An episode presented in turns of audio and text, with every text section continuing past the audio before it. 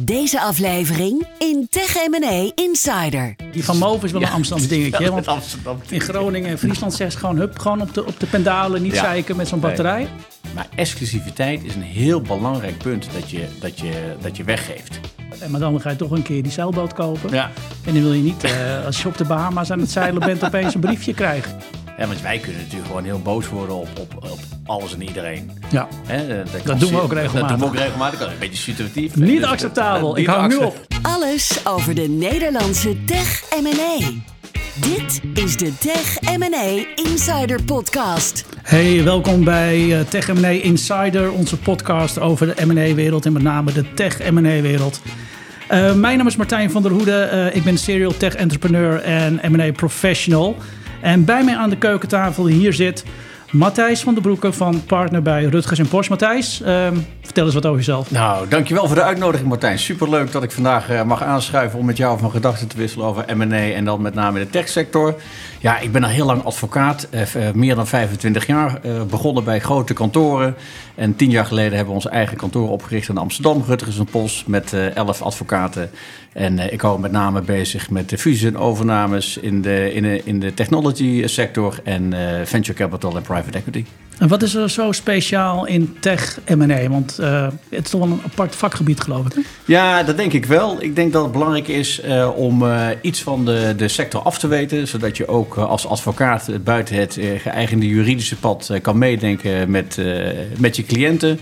Eh, en eh, dat komt denk ik uiteindelijk de dienstverlening ten goede. En krijgt ook de cliënt uiteindelijk de mooiste deal die hij graag zou willen hebben voor zijn bedrijf. Tech M&A Insider. Hoe was jouw maand? Ja, Matthijs, eh, drukke maand geweest. Het, is, het, is, het is juli, het is Eh, juni, zeker, juli. Zeker, ja. Je ziet nu dat heel veel mensen straks weer eh, eind juli, eind deze maand hun koffers pakken en met vakantie gaan. En dat betekent dat juni, juli altijd drukke maanden zijn, waar veel investeerders en strategische kopers en partijen graag nog hun deals die ze hebben gepland in het eerste half jaar willen afronden. Dus op dit moment eh, ben ik voor deze week eh, bezig met eh, één signing en een signing en een closing. Nou, en dat brengt natuurlijk de nodige druk met zich mee. Maar dat gaan we natuurlijk allemaal cheffen. Ik en mijn team. Ik doe het natuurlijk nooit alleen. Maar ja, nog even twee, drie weken volhouden. En dan is de maand augustus. En dan is iedereen wel een beetje vertrokken. En dan wordt Ja, het wat ja, ja. rustiger. En in september komt iedereen weer met volle moed en een uitgerust lichaam terug. Ja, want iedereen wil echt voor die, voor die zomerperiode nog even de, de deal geclosed hebben, zodat ze lekker... eh, Ja, dat is denk ik ook een mentaal dingetje. Dat ze het graag Ja, achter de ja. rug willen hebben. En dat eh, ze op het strand eh, kunnen genieten van de mooie deal die ze hebben, hebben gemaakt. En dat geldt dan zowel eigenlijk voor kopers als voor verkopers. Ja, en psychisch werkt het denk ik zo dat 1 september weer eigenlijk een begin is van een nieuwe periode. Dus ja, maar dat is al eh 20, ruim 20 jaar het geval. Dus daar kunnen we wel eh, mee omgaan. ja, ja, en dat heeft ook best wel met Lockbox denk ik te maken. hè, Wat, wat er, eh, dat je daar ook weer niet te lang mee wil wachten. Nee, exact goed punt. Misschien dat we daar nog, daar, hierna nog daarover komen te spreken. Maar inderdaad, hè, als, het, als het echt eh, als het boekjaar al op streek is, ver op streek is en je gaat al maand 9 in, dan wordt een lockbox natuurlijk altijd wat ingewikkelder. Je krijgt heel veel discussies over de compensatie tussen de effectieve datum 1 januari en closing datum. Wat ga je daarmee doen? Rente, geen rente. Exact. Of eh, een, een, een, een, een, een vergoeding die gelijk staat aan de gerealiseerde kaststromen. Of k- cashwinst. Nou ja, goed, dat maakt het allemaal wat... Gaan we het allemaal nog een keer over hebben in andere, in andere, Dat maakt het andere shows. dus, dus inderdaad is het eh, mooi af te sluiten. Eh, om het voor het boekjaar, voor de zomervakantie daar gewoon de Ja. handtekening op, onder te hebben. Ja. Ja. Ik zelf ben, eh, ben druk bezig geweest met... eh, met ik, ik begeleid, eh, ja, zoals je weet, Matthijs, andere bedrijven... Aan de, met helemaal altijd aan de verkoperskant. En ehm, eh, ja, wij zitten ook inderdaad met twee trajecten midden in DD. En iedereen is, is op zijn laatste tandjes aan het lopen... en wordt helemaal gek van al die vragen die gesteld worden aan mijn cliënten. En dat, dat is altijd wel weer een uitdaging om, ja, om, om gemotiveerd te blijven. Als je zoveel vragen krijgt over je bedrijf, dat je denkt, nou, ik heb toch een simpel techbedrijf, Ja. ik doe 10 miljoen omzet en eh, allemaal, allemaal gaat allemaal fantastisch. En vervolgens komt er een eh, groot accountskantoor en die maakt een sheet met 600 vragen. Ja. Dat je denkt, waar halen ze vandaan? Ja. Maar goed, daar moet je dan doorheen, hè, zo'n DD. ja. Dus ik probeer uh, in ieder geval mijn uh, klanten uh, binnen te houden, binnen de perken te houden. Dat ze gemotiveerd blijven om het even, toch even af te ronden. Want dat is belangrijk, dat, dat die signalen op groen zijn voordat je verder gaat met zo'n SPA. Maar dan hebben we het zo nog Ja, zeker. Dit is dus een heel belangrijk onderdeel van ieder overnametraject. Ja, dus, ja. Oké. Okay. Tech M&A Insider Nieuws. Ja, het nieuws van vandaag, 18 ehm, juli is het nu, 2023. Ja, Van Moof is failliet, hè? Tja. Zag jij het aankomen? Nou, ik zag het uh, niet aankomen. Ja, mijn zoon heeft een, heeft een vermogen, zoals heel veel uh, oh, oh, oh, scholieren in Amsterdam en omstreken. Kan hij nog starten? Nou, hij kan nog starten. Daar waren we even bang voor dat die app ook uit de lucht zou worden gehaald. Nou, dat, ja, die wordt niet meer geüpdate. Ja, ja, maar hij fietst er nog mee rond. Maar het is natuurlijk eigenlijk wel bijzonder jammer dat toch wel zo'n heel sterk merk uh, kopje onder is gegaan. En dat ze niet in staat zijn geweest om uh, ja, de problemen in de supply chain aan te pakken. En een nieuwe financiering op te halen. Dus dat is buitengewoon jammer. Ja, je ziet ook toch wel in, in Europa, Nederland, dat, dat de zakken van de durfkapitalisten wat minder diep zijn dan in de States. Hè? Daar gaan ze gewoon toch wel even meer door. Ja. Als je bedoel, ja, Tesla die is ook 20.000 keer gefinancierd om het overeind te houden. Ja. En is nu heel succesvol. Maar ja, ze hebben, het, ze hebben het inderdaad wel geprobeerd, maar uh, niet de juiste financiers kunnen, kunnen vinden. En wij zien nu ook wel dat financiers, zeker in Europa, ook wel wat kritischer worden op uh, de vele proposals die zij op hun bord krijgen. En ja, dit is natuurlijk enigszins ook wel high risk. Hè? Dus als, als we de kranten mogen geloven, dan maakt het een fors verlies. Ja, 80, ik heb even nagekeken, om precies te zijn 77,8 miljoen in 22. Ehm, of 21, dat zijn de officiële cijfers. En eigenlijk het jaar 22 was ongeveer ook datzelfde bedrag. Ja. Ja, gaat hard. We kennen niet de cijfers van 23, maar ik denk niet dat die veel positiever zijn. Hè? Nee, en uh, volgens de krant 200.000 fietsen verkocht. Ja, en uh, nou, dat is dan niet voldoende om uh, uiteindelijk door cashflow positief te worden. Maar met name de supply, supply chain issues die ze hadden, dat heeft ze denk ik de nek omgedaan. Ja, QuickFit heb ik gelezen. Het FD die gaat dan de reparaties doen, maar die kan de onderdelen niet meer krijgen. Ja, dus dat is dan ja, wel weer... dat klopt, ja. ja. ja. Mijn zoon is daar ook langs geweest. zijn fiets, fiets naar QuickFit. Ja, nee, nee, dat, dat had ik ook niet bedacht. Maar dat is ook een nieuw businessmodel voor ze. Die breiden ook uit, hè, gewoon helemaal in de, in de richting verder in de, in de mobility uh, hoek sector. En fietsen, ja, als je kijkt hier in Amsterdam, het is het meest populaire uh, vervoersmiddel. Uh, in, de auto, in, met de auto de stad in rijden is gewoon niet meer leuk. Ja, dus... maar het is net als die Brio. Het is wel een Amsterdams dingetje. Ja, die, die van Move is wel een Amsterdams dingetje. Want Amsterdam in Groningen en Friesland zegt gewoon, hup, gewoon op de, op de pendalen, niet zeiken met zo'n batterij. Nee, nee ik dat is toch wel een, ja, het is wel een Amsterdams dingetje. Ja, klopt. En dan... Um, ja, ik volg altijd de SaaS Capital Index. Dat is heel, grappig. Dan moet je maar eens opzoeken, uh, luisteraars, op de website. Uh, dat is eigenlijk een index die houdt bij wat zeg maar, de waardering is van SaaS-bedrijven, software as a service clubs. En uh, wat dan de multiple is op annual recurring revenue. Dus niet op EBITDA, maar op annual recurring revenue. Dus op zeg maar um, ja, subscription-based omzet. Nou, even in het Nederlands-Engels te zeggen. Um, ja, die was anderhalf jaar geleden helemaal door het dak gegaan. Hè, toen iedereen ging zoomen. En, uh, en, en, en, natuurlijk ook op de beurs dat soort bedrijven enorm hoog gewaardeerd waren. Die zat op 14, 15, 16 keer EBI, of uh, annual recurring revenue. Dat is natuurlijk, was natuurlijk belachelijk. Dat kan je, als je dat voor een bedrijf betaalt, kun je bijna nooit meer terugverdienen, zou je denken. Nee. Maar die is ook wel enorm uh, door, te, ja, door, door een grens gezakt. Die is, die is helemaal teruggegaan naar 6. Nu was hij altijd al gemiddeld 6, 7 voor die hype. Maar nu is hij weer iets omhoog gegaan, toch naar van 6 weer naar 7,1. Hoe zie jij dat, uh, uh, Matthijs? Heb je daar een beeld van dat het toch weer iets aantrekt? Want het, dat, dat, nou... Ja, ik denk altijd als we nu naar onze praktijk kijken, wat ik daar zie is natuurlijk uh, tech M&A deals die blijven wel populair, hè, omdat ze uh, heel voorspelbaar zijn. Dus als je een groeiende data klantenbasis hebt, dat weet je natuurlijk zelf ook. Ja. En, en, en, en, het is schaalbaar, dan, dan, dan zijn dat hele solide en voorspelbare bedrijven. Uh, ja, waarom is die, die, die multiple omlaag gegaan? Ja, het zou kunnen zijn dat financiering natuurlijk vele malen duurder is geworden. Ja, rente is omhoog. Uh, rente is omhoog gegaan. Inflatie. Inflatie. En dan moet je ook allemaal weten door te berekenen uiteindelijk aan, aan, je, aan je cliënten of aan je klanten. Dus ja, dat, dat zou ermee te maken kunnen hebben. Geld is gewoon wel duurder geworden. Dat zien wij gewoon overal. Ja. Eh, vroeger was Ook het druk op de, druk op de, onder, in de druk op de, op de deals is er ook. En Banken financieren niet zo makkelijk meer mee. Nee, nee, nee. Of de financiering is heel duur. VC's gaan natuurlijk... eh, ik heb hier nog een feitje eh, van de afgelopen tijd. Is dat eh, ja, venture capital investments... die zijn met eh, gemiddeld wereldwijd... met 50% naar beneden gegaan, moet je je voorstellen. dat is heel veel. En in Israël 74%.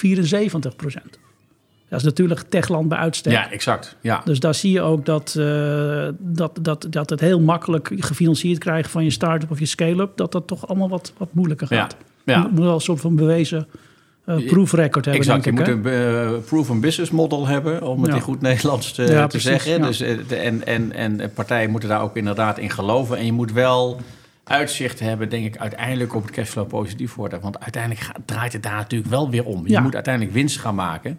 Ja, En heel veel verwachtingen zijn natuurlijk hartstikke mooi, maar eh, je moet wel een window hebben en uitzicht hebben op eh, het realiseren daarvan. ja, kijk, een koper koopt alleen een bedrijf als hij, het, eh, als hij, als hij de multiple wil die alleen betalen, als hij het geld meer, dan, meer, dan, meer dan terug kan verdienen en natuurlijk nog even erbovenop kan eh, Ja, plussen. ja zeker. En eh, ehm, ja, de, de, de uitzonderingen daar gelaten, dat een start-up opeens enorme waarderingen krijgt. Maar ja, dat is net als maar, maar één Ronaldo of één Messi in de wereld hebben, toch? Dat, dat is niet heel realistisch dat dat altijd maar gebeurt. Nee, klopt. Ja. Nou, ik had laatst een cliënt in mijn praktijk en die, eh, die deed eh 1 miljoen verlies en die verwachtte een waardering van 50 miljoen. Dus ja, weet je. Hij Ja, heeft wel een heel mooi businessplan, denk ik, gemaakt. ja, dat plan zag er heel goed uit. Ja. Dat plan zag er heel goed uit. Nou ja, Op ik- papier. laten we eens naar de praktijk kijken van de SPA. Tech M&A Insider Topic. Ja, we gaan het over de SPA hebben. En ehm, eh, ja, dat is eigenlijk de koopovereenkomst. Maar waar staat eigenlijk SPA voor, eh, Matthijs? Want er zijn nog wel. Ik, heb, ik, ik zie altijd twee verschillende afkortingen voorbij komen, eerlijk gezegd. Shareholders Purchase Agreement en Shares Purchase Nou, Agreement. dit- het is, soms zie je sale purchase Ook agreement. nog, ja, ja, dan, dan kan het eigenlijk van alles zijn. Dan is het gewoon het object van de sale. Dat kunnen dan aandelen zijn, of dat kan de onderneming zijn, activa of passiva. Maar eh, in de regel is het de share purchase agreement. Ja, en dan precies, staat het ja. voor de koopovereenkomst voor, eh, voor aandelen. Ja, ja, precies. En ehm, die koopovereenkomst, ehm, wanneer in het traject wordt die ongeveer gemaakt? Ja, kijk, in, in, in de eerste fase van een transactie ben jij gewoon eigenlijk in de lead en eh, ben jij op zoek voor jouw klanten naar eh, potentiële, potentiële kopers. Ga je ze uitvragen of ze geïnteresseerd zijn om, om een target eh, te kopen op basis van een teaser of een informatiememorandum. Nou, dan krijg jij eh, offers terug, binding offers of non-binding offers in eerste instantie. En dan, eh, ja, naarmate je daar een selectie maakt, ga je naar een intentieverklaring of term sheet of LOI. eh, Ja, daar moeten we het even over hebben. Oh. Want ehm term sheet of LOI, ehm, NBO, non-binding Ja. offer. Ja, Ik heb wel eens gelezen, ehm, en ik denk ook dat het gewoon zo is, dat eigenlijk het enige verschil tussen deze drie termen is de header op, op het papier. ja, ik vrees dat je daar gelijk in hebt. Toch? Eh, Het is, bedoel, het is allemaal eh, hetzelfde. Het is maar net wat je, wat je ja, erin zet. Ja, het is eh, vorm eh, over substance. allemaal non-binding ja, meestal, Het is allemaal non-binding, zeker in, eh, met Amerikaanse kopers. Hè, die willen pas gebo- eh, gebonden zijn nadat ze definitieve transactiedocumentatie hebben getekend. Maar inderdaad, dat maakt eigenlijk niet heel veel uit hoe je het noemt. Eh term sheet, eh, non-binding offer, Letter of intent letter of ja. intent. Ja. Het komt eigenlijk allemaal op hetzelfde neer. Maar er zijn wel, ik, ik zeg altijd, er zijn wel belangrijk drie ingrediënten die ik altijd wil hebben in, die, in, die, in, die, in, in dit eerste document, zullen we maar zeggen. Ja. Dat is de waardering van de aandelen voor 100%. Zodat het gewoon duidelijk is, wat is de enterprise value, wat is de ondernemingswaarde. Ja. Ik denk twee, wat ik ook altijd wel wil zien, is de dealstructuur. Welke dealstructuur stel je nou eigenlijk voor? Want iemand kan wel 30 miljoen voor een bedrijf op tafel leggen, maar als hij daar 30 jaar over doet om dat te betalen, dan is dat een ander verhaal dan 10 miljoen upfront Ja. eh, en cash. Ja, nee, helemaal, helemaal eens. En het laatste is, wat, wat, wat gaat er met jouw mooie techbedrijf nou eigenlijk gebeuren na die acquisitie? Dus Ja. hoe, wat voor rol krijg jij? Wat voor rol krijgt het bedrijf? Moeten de mensen verhuizen? Moeten ze niet verhuizen? Ja. Ja. Dat zijn toch wel drie ingrediënten die ik in zo'n LOI, NBO... eh, ja, eigenlijk wel adviseer om die er op zijn minst in te hebben. Nee, zeker, absoluut. En, en, en dat is natuurlijk belangrijk. Waardering, logbox of settlement accounts. Hè, dat, eh, dat zit daar is ook dat aan- aan hetzelfde als completion accounts? Ja, dat is ook weer een, een, een woordenspel. Dat komt allemaal op hetzelfde neer. Ja. En eh, die elementen die je noemt zijn heel belangrijk. Maar jij gaat, ik weet van jou dat jij, want dat irriteert me ook wel eens als we wat samen doen, dat jij daar nog, nog meer detail in die LOE wil stoppen. Ja, omdat je dan in de denk- SPA ik- dan ja. wat, wat in de, in de, in Ja. de koopovereenkomst, dat jij, vind, jij dat je het dan al lekker uit hebt gesproken? Nou, kijk, de Maar ik reden, denk, ja, dan de wordt reden ding daarvoor, getekend. Ja, maar de reden daarvoor is, is dat je op een gegeven moment zit je natuurlijk in een proces. eh, en een koper die zal altijd een keer exclusiviteit gaan vragen. Hè? En dan wil hij gewoon van jou horen dat, jij, dat, jij, dat, dat zij de enige partij zijn maar waar jij, waarmee jij praat. En als verkoper heb je eigenlijk heel weinig dingen te geven. Maar exclusiviteit is een heel belangrijk punt dat je, dat je, dat je weggeeft. Want dat betekent gewoon, ik praat alleen met jou en met niemand anders. Nou, als je dat ook nog koppelt aan een timetable en zegt: Oké, we gaan twee maanden te goede trouw, zoals we dat dan noemen, in good faith gaan we met elkaar praten. Dan kun je die twee maanden helemaal niets doen en ben je tot elkaar veroordeeld.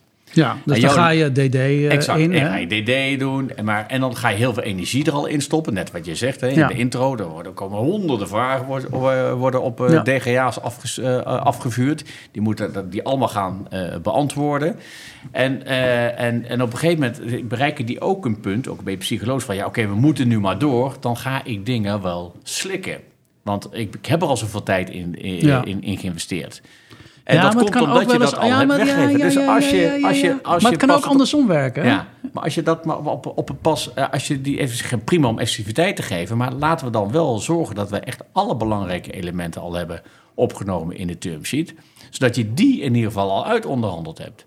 En daarom ben ik in de regel, zeker als je in een vroeg stadium exclusiviteit geeft, voor om die, die, die term sheet, of hoe je het ook noemt, best wel gedetailleerd te maken. Ja, maar ben je- maak je een halve spa van bij jou. Nou, dat is overdreven, Martijn. hè. Dat is overdreven. Maar wel de kernelementen haal ik er wel Maar uit. zet jij dan ook de vrijwaring en de garanties aan? Nee, nee, dat kan eigenlijk niet. Hè, omdat want- je dan DD gedaan moet Nee, exact. Ja. Dus eh, je kunt hooguit eh, opnemen dat je niet verplicht bent om vrijwaringen te accepteren. Want Maar- even over die, over die SPA. Dat Ja. is dus de koopovereenkomst. Even voor iedereen die niet in die M&A-terminologie helemaal eh, erin zit zoals wij erin zitten. We hebben het dus eigenlijk gewoon over de koopovereenkomst. Hè? Equivalent als je een huis zou kopen, zou je kunnen Exact. zeggen. Ja, Ehm, daarin regel je eigenlijk eh, eh, de waarde van, het, van de aandelen. Daarin regel je ook hoe, het, hoe dat wordt betaald. ja, Ehm, en je hebt het dan ook altijd over twee belangrijke elementen daarin: vrijwaringen en garanties. ja. Misschien met, jou, ja, met al jouw kennis, eh, vrijwaring en garanties. Wat is het verschil tussen deze twee? ja. Nou, Punten. Ja, dat is een, dat is een goede vraag. Ehm, garanties die worden eigenlijk alleen... eh, eh, garanties die geef je af voor zaken die niet bekend zijn. Dus daarmee dek je het onbekende af. En vrijwaringen die zet je meestal in... Voorbeeld, voorbeeld. van Nou ja, garanties. bijvoorbeeld als je, als je, als je de, de garantie geeft dat er geen eh, juridische procedures lopen. Dus jij weet als verkoper of dat al dan niet Ja. speelt. En dan heb je het over alle juridische Ja, procedures. ook wel materiële procedures. Het gaat Ja. niet over een incassogeschil. Hè? Nee, als maar- iemand een keer ja. te laat betaalt, maar dan gaat het over materiële zaken. Maar, als je, maar Ah, ook in, als je... in, ja. jouw voorbeeld, als er bijvoorbeeld iemand een keer heeft gezegd hè, in een tech M&A deal, nou de code die jij hebt geschreven, die heb jij niet gemaakt, die heb ik gemaakt. Ja. Dus ik ben eigenaar van die code. Dus je geeft garantie op het IP. Je geeft die garanties op IP. Maar Nou, ook op dat de aandelen van jou zijn bijvoorbeeld. aandelen van jou, maar dat is natuurlijk de makkelijkste. Dat Ja. gebeurt, dat, dat is niet zo interessant. Maar die IP-garanties zijn natuurlijk in, in, in, een tech deal heel belangrijk hè, voor, iedere, voor, iedere, voor iedere koper. Ja, enorm. Enorm belangrijk. We hebben wel eens een deal gehad in het verleden dat eh, alles was geregeld met, eh, met, met dus de, de, de softwareclub die had gewoon heel veel gesubcontract hè, aan, aan een of andere club in de Oekraïne was dat nog, toen het nog ja, kon. Ja. En, ehm, en toen was ook duidelijk beschreven dat dit IP was van, eh, eh, het was een IP-vrijwaring, dus de, de Oekraïense programmeurs hadden geen recht op dat IP. Maar er stond niet in dat het was overgedragen. Nee. Daar hebben wij nog wel eens een Ja. hebben we nog wel eens een, eh, zonder namen te noemen, Ja. op het laatste, op deze moment van eh, ja, vijf voor twaalf moest Ja. dat nog dan geregeld worden. Hè? Ja. Dus dat is ook wel belangrijk. Ja, dat is een hele eh, belangrijke. Dat is ja. een hele belangrijke. Maar even terug naar, naar, naar garanties en vrijwaring. Wat nou precies het verschil is. Ja. Dus als je zegt, ik geef een garantie dat er geen juridische claims zijn. Ja. Hè, dan zeg je, oké, er zijn geen juridische claims. En Dat is een, dat is een garantie. Maar als bijvoorbeeld uit, uit de due diligence blijkt... dat iemand een keer een brief heeft gestuurd van... Ja, die IP die is van mij en niet van jou... Hè, dan ligt daar een potentieel risico. Dat kun je al identificeren. En ook al is dat nog zeg maar geen rechtszaak, moet je dat al wel melden. ja, ja. Maar als je het gemeld hebt, dan... Dan, dan, ja, dan, dan, dan, is het, dan zeggen dan wij... is het gedisclosed. Is het disclosed en zou het niet meer voor rekening risico van de verkoper moeten komen. Maar dan kan de koper wel een specifieke vrijwaring vragen. Die zegt, Oké, ja, on alles, top of. alles wel goed en wel. Maar ik heb hier due diligence gedaan. Ik heb het briefje gelezen. En die meneer of mevrouw, die zegt dat zij eigenaar is van het IP. Ja. Nou, jij zegt van niet. Ik wil je best geloven. Maar als daar een keer rotzooi uitkomt...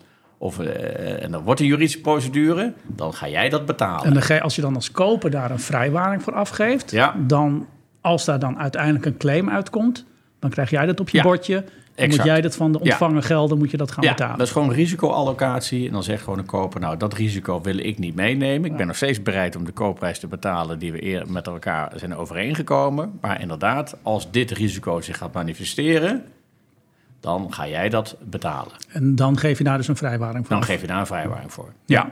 En doe je dat dan ook voor ehm, eventuele belastingschulden, als ze dan in de DD hebben gezien dat het, of pensioenen, Ja, goede, goede vraag. Ja, belastingen en pensioenen zijn ook, al, eh, zijn ook he- heel erg hot. Ja, eh, met, met belastingen is denk ik wel nu wat je in de praktijk eigenlijk bijna altijd ziet... is dat eh, belastingen tot aan de overdrachtsdatum of effectieve datum... afhankelijk van wat voor transactie het is... altijd voor rekening komen van de verkoper. En Ja. waarom? Omdat de koper die zegt, ja, dat zijn belastingen over een periode... dat jij ook de winsten hebt genoten van die onderneming. Ja, precies. Ik niet. Ja. Ik krijg het pas per overdrachtsdatum. maar dat is Dus ook wel heel redelijk natuurlijk. Eigenlijk, is het heel redelijk. Ze zien het ook een beetje als een dead item. Hè? Dus dat is gewoon een, eh, iets wat de verkoper moet Maar regelen. dat, kan dat tot een oneindigheid doorgaan? Dat, dat, dat, dat, dat is, want je wil op een gegeven moment ook als, als, je, als je je bedrijf verkocht hebt en eh, nou ja, je, je doet de overdracht en stel dat je nog een paar jaar betrokken blijft, eh, en maar dan ga je toch een keer die zeilboot kopen. Ja. En dan wil je niet, eh, als je op de Bahama's aan het zeilen bent, opeens een briefje krijgen. Nee, exact. Dat is altijd een van de punten waar, waar we altijd hard op inzetten. Uiteindelijk moet je het boek gewoon kunnen sluiten. en dan Precies, moet je ja. inderdaad op dat handdoekje, op dat witte strand kunnen liggen. En eh, moet, je, moet je kunnen zeggen... Ik, ik ben Zonder van stress je alles af. inboxen, Van- zonder eh, stress van je stress van, komt, wanneer komt die brief van die advocaat nou... Precies. die mij aansprakelijk stelt? Ja. Nee, dat, dat Ja. wil je dan gewoon Nee. niet meer. Nee. Nee, dus... Dus, Dus wat, eh, zijn dat, wat zijn gebruikelijke termijnen? nou, kijk, voor, voor belastingen en dergelijke heb je gewoon de wettelijke termijnen. Ja. Hè, dus die zijn eigenlijk in principe vijf jaar. Eh, eh, en, en dat kan iets langer zijn afhankelijk van of, er- of er nog onderzoeken lopen door de fiscus. Maar dat wordt door die wettelijke verjaarstermijn begrensd. Dan heb je de zogenaamde titelgaranties, zoals wij het noemen. Het feit dat jij eigenaar bent van, van, van de aandelen die je verkoopt. is ook natuurlijk een hele logische garantie. ja, want anders koop je echt een kat in de zak. dan koop je echt een kat in de zak, hè? maar dat is in Nederland ook niet zo Ja. interessant, omdat, of niet spannend, want je hebt de notaris die de, die de, die de, die, die, eh, de akte van levering passeert, dus dat is altijd afdoende bewijs. Nou, daar geldt eh, vijf tot zeven jaar voor. Soms proberen ze wel tot in het oneindige, maar dat slaat natuurlijk nergens op. Nee, precies. Eh, dus dat proberen we te beperken tot vijf jaar. En dan echt wat wij noemen dan de commerciële garanties. Ja, daar schommelt het een beetje tussen de 12 en de, en de, en de, en de drie jaar. En is drie aan de hele lange kant. En twee jaar, 18, 20, eh, 18 maanden, 24 maanden is eigenlijk wat we het meeste zien. Ja, ja.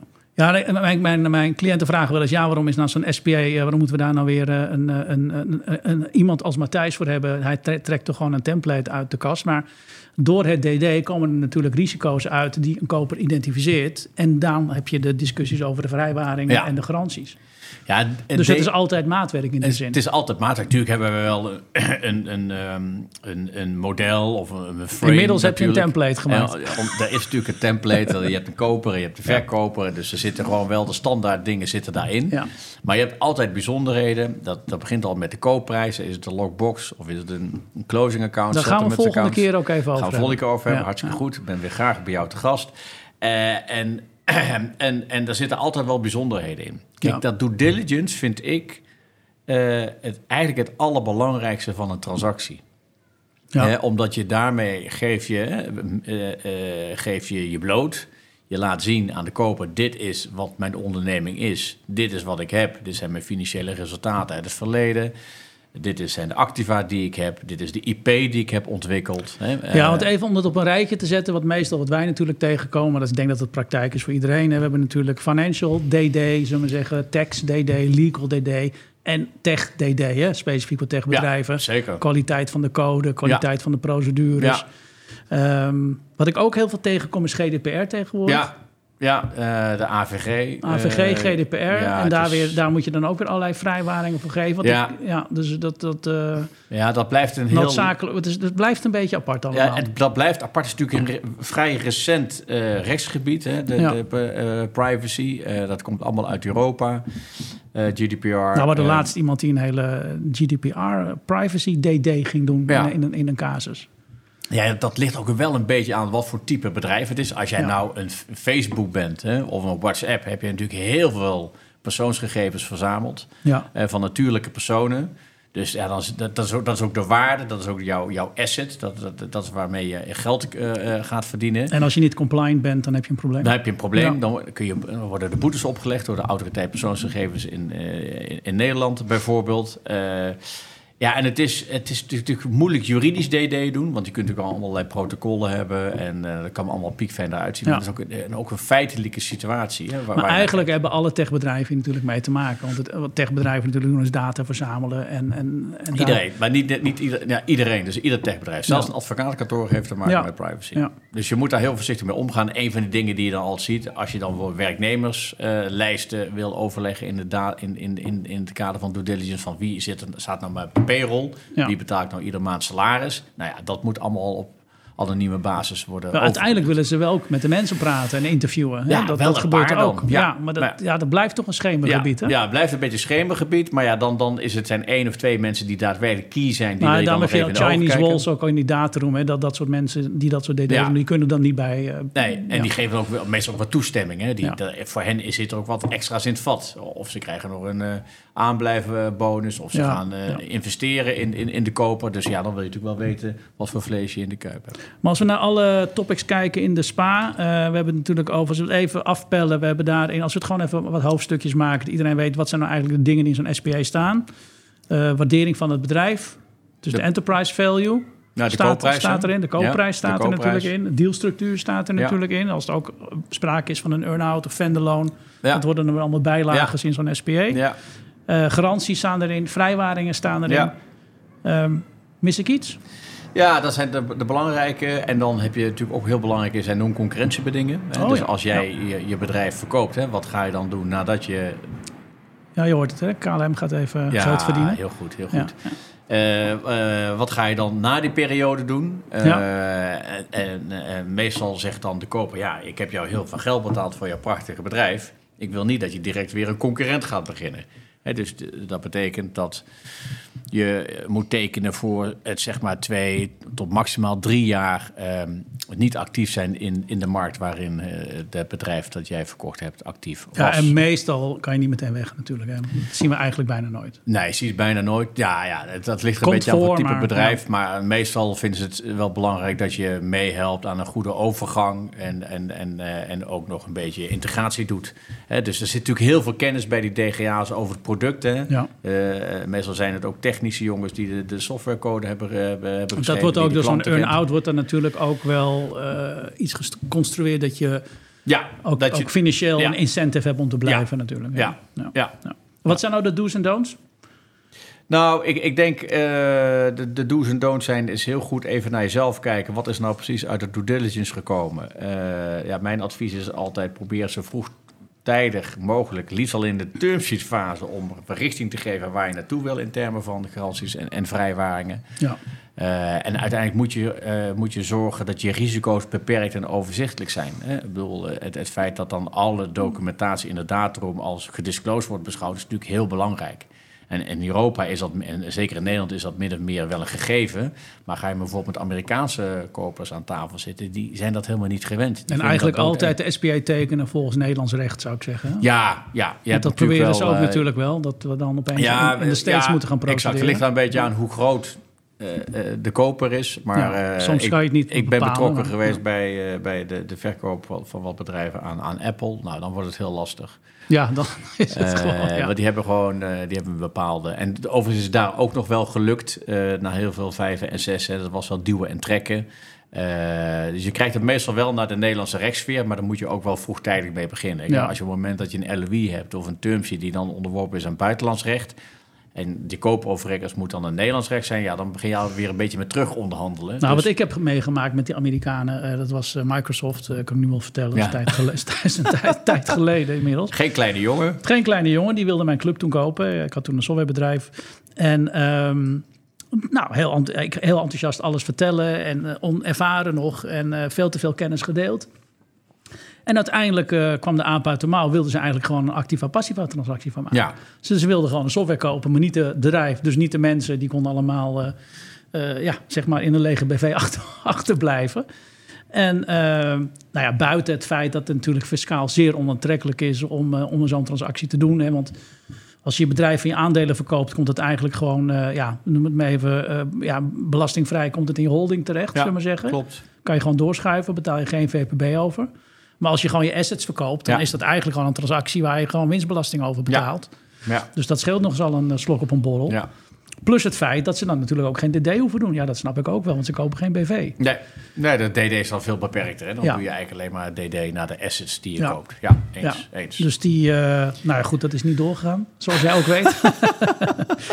Uiteindelijk hebben we een betere deal gevonden. Maar eh, dat, eh, dat was, eh, ja, die, die, die, die leggen eigenlijk gewoon op. En zeker aan de wat kleinere techbedrijven, zo gaan we het doen. En Ja. take it or leave it. Hè. Ja. Dat, Ja, dat is, dat is, weet je, dat is natuurlijk een beetje het. Calimero-effect. dat, dat, zit, dat kan erin zitten.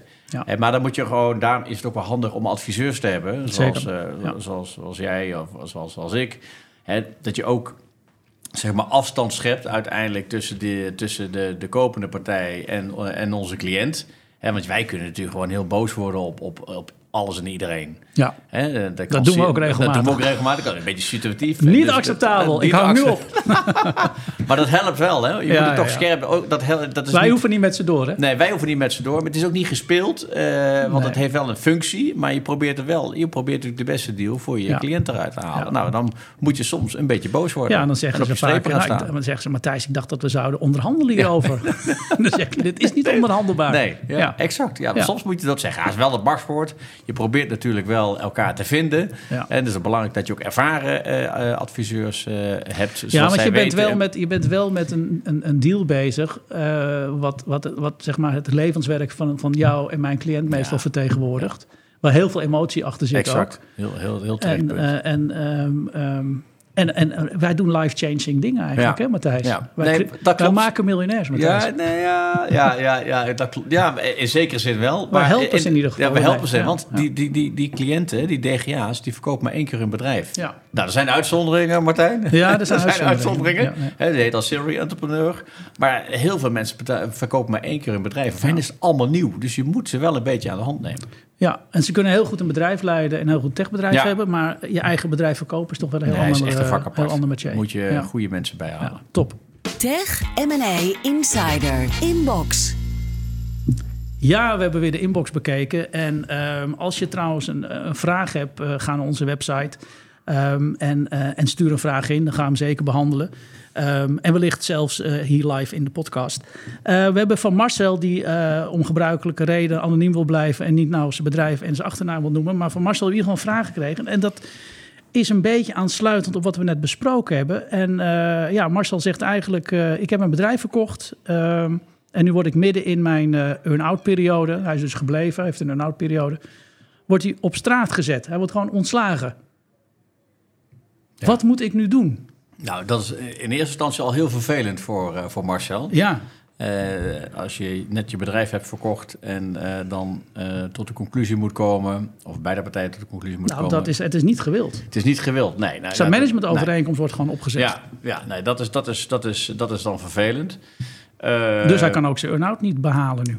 Ja, dat is even de vraag hoe dat nou precies is opgeschreven. Eh, is, is, is de earn-out gekoppeld aan, aan het aanblijven van, van Marcel? Of is de earn-out gewoon gekoppeld Nee, aan het is gekoppeld aan, eh, aan echt een, eh, een target, zeg maar. Een, een een financiële target? financiële target. Ja, dat, dan, Dan, zou je, dan zou je nog, ook zonder Marcel, zou die financiële target nog gehaald kunnen worden. Ja, maar hij heeft in ieder geval geen invloed meer op. Hij heeft, en dat is natuurlijk altijd vervelende van earn-outs. Dus dat, dat moet je dan proberen heel goed en duidelijk op te schrijven.